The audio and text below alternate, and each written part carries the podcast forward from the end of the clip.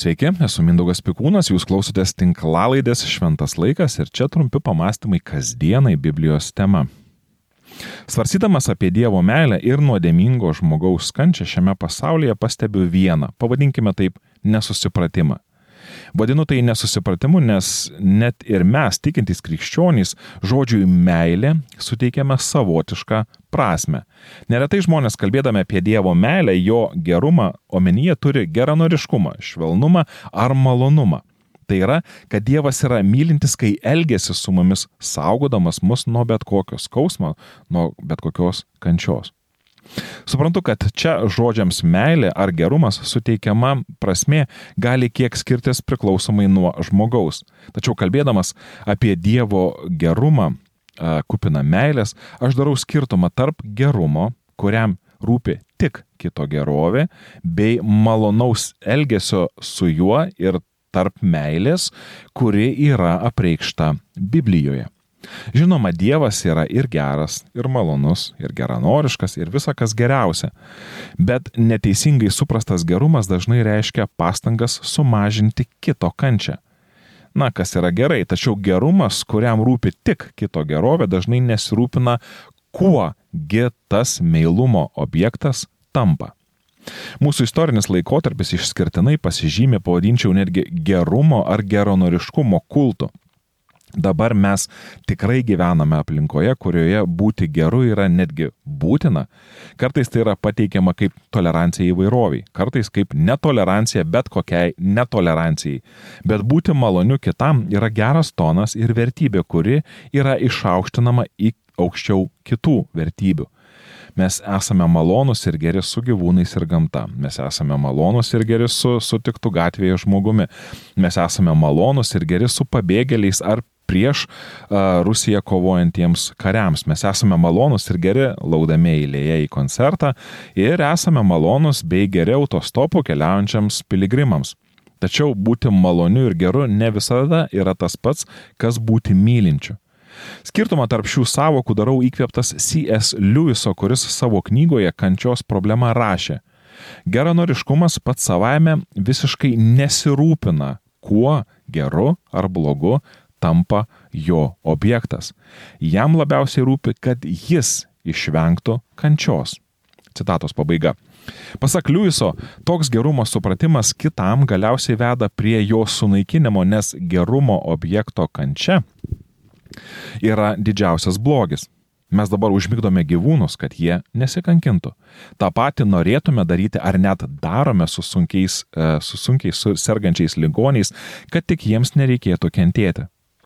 Suprantu, kad e, ir čia linija nėra pakankamai aiški ir mano minėti pavyzdžiai su gyvūnų užmigdymu ar sunkiems ligonėms taikoma eutanazija yra pakankamai radikalūs.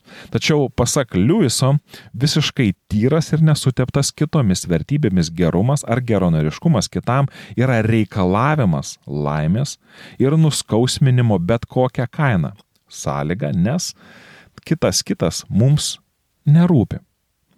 Kam nors šie pasvarstymai gali nuskambėti kiek keistai ar sunkiai suprantami, kodėl būti geru yra apatijos išraiška kitam. Kaip suprasti, kad vadovavimasis geranoriškumu kitam žmogui galutinai veda į to kito žmogaus sunaikinimą. Na gerai, pasvarstykime. Kai kurie e, esame įpratę sakyti kitiems, gyvenk kaip nori, kad tik netrukdytum kitam. Arba kažkaip panašiai. Šiame pasakymė slypi gilus noras toleruoti kitą, kol jis nekenkia aplinkai. Kai šis noras yra susijęs su kitomis vertybėmis, jis visai neblogai atrodo.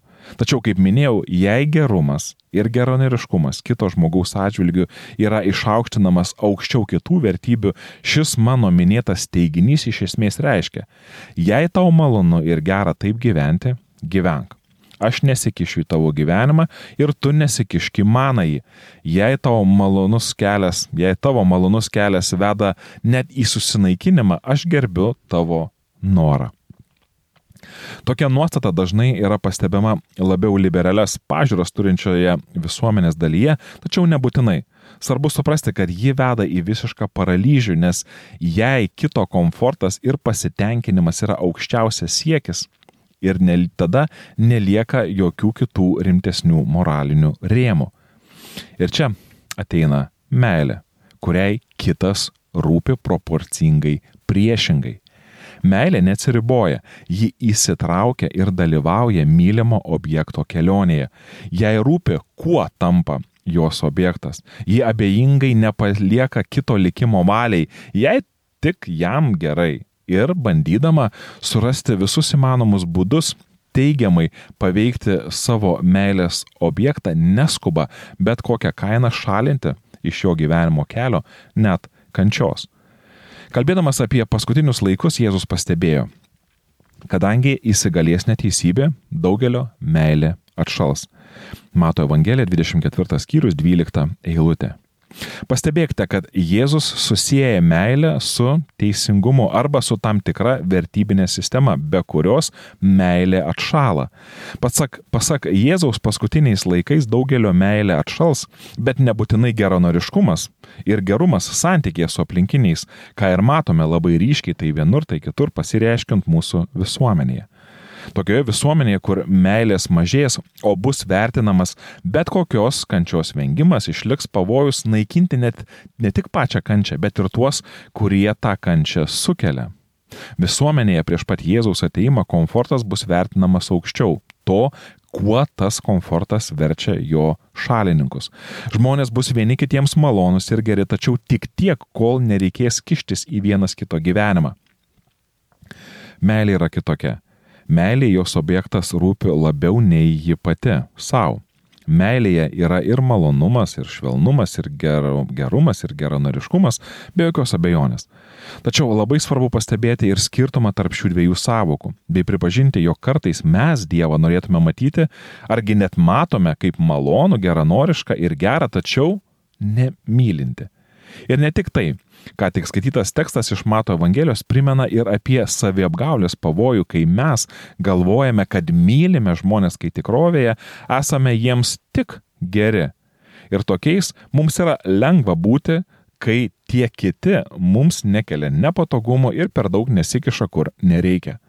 Mes galime apsigauti, jog gyvename Dievo gyvenimą ir esame pilni jo malonės, kai tikrovėje savo aplinką esame taip susitvarkę, kad galime būti geri tiems, kurie yra mums geri ir inirtingai, nors kartais net nesąmoningai ginti savo pačių komfortą ir savo širdies kietumą teisinti tuo, kad mums čia jau labai rūpi kitas žmogus.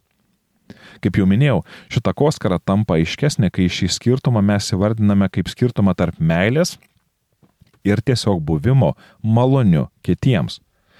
Krikščionis to buvimo malonių ribas gali perkelti kiek toliau nei pavyzdžiui netikintys. Tačiau net ir tada, kai esame malonus kitiems, labiau nei įprasta ši savybė dar nėra atgimusios širdies ženklas ir gali būti nieko daugiau, kai tik bandymas tarnauti Dievui, neužmirštant savęs arba nemirštant savo. Mes galime saugiai įsimaišyti į besmenę minę ir jausti joje geranoriškumą šalia esančiam.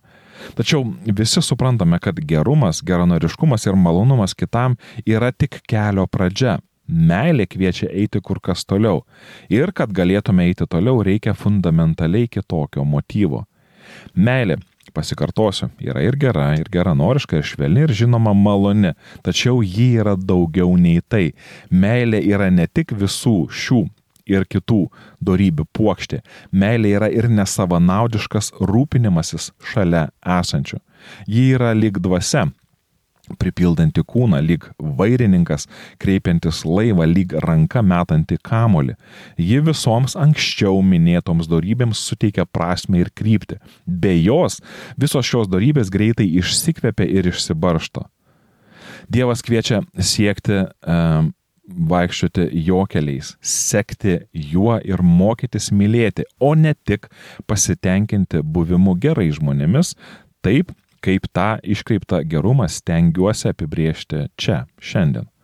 Kai Biblija kalba apie Dievo gerumą, ji visada jį pateikia Dievo meilės kontekste. Todėl kartais mums gali netgi uh, supykdinti arba mums gali sukelti pyktį, kodėl Dievas nėra su mumis geresnis nes kartais leidžia pakentėti. Tačiau jis leidžia mums pakentėti kaip tik dėl to, kad yra mylintis. Jūs klausytės šventas laikas, tinklalaidės, tikiuosi, kad tai, ką jūs girdėjote šiandien, buvo tai, ko jums ir reikėjo.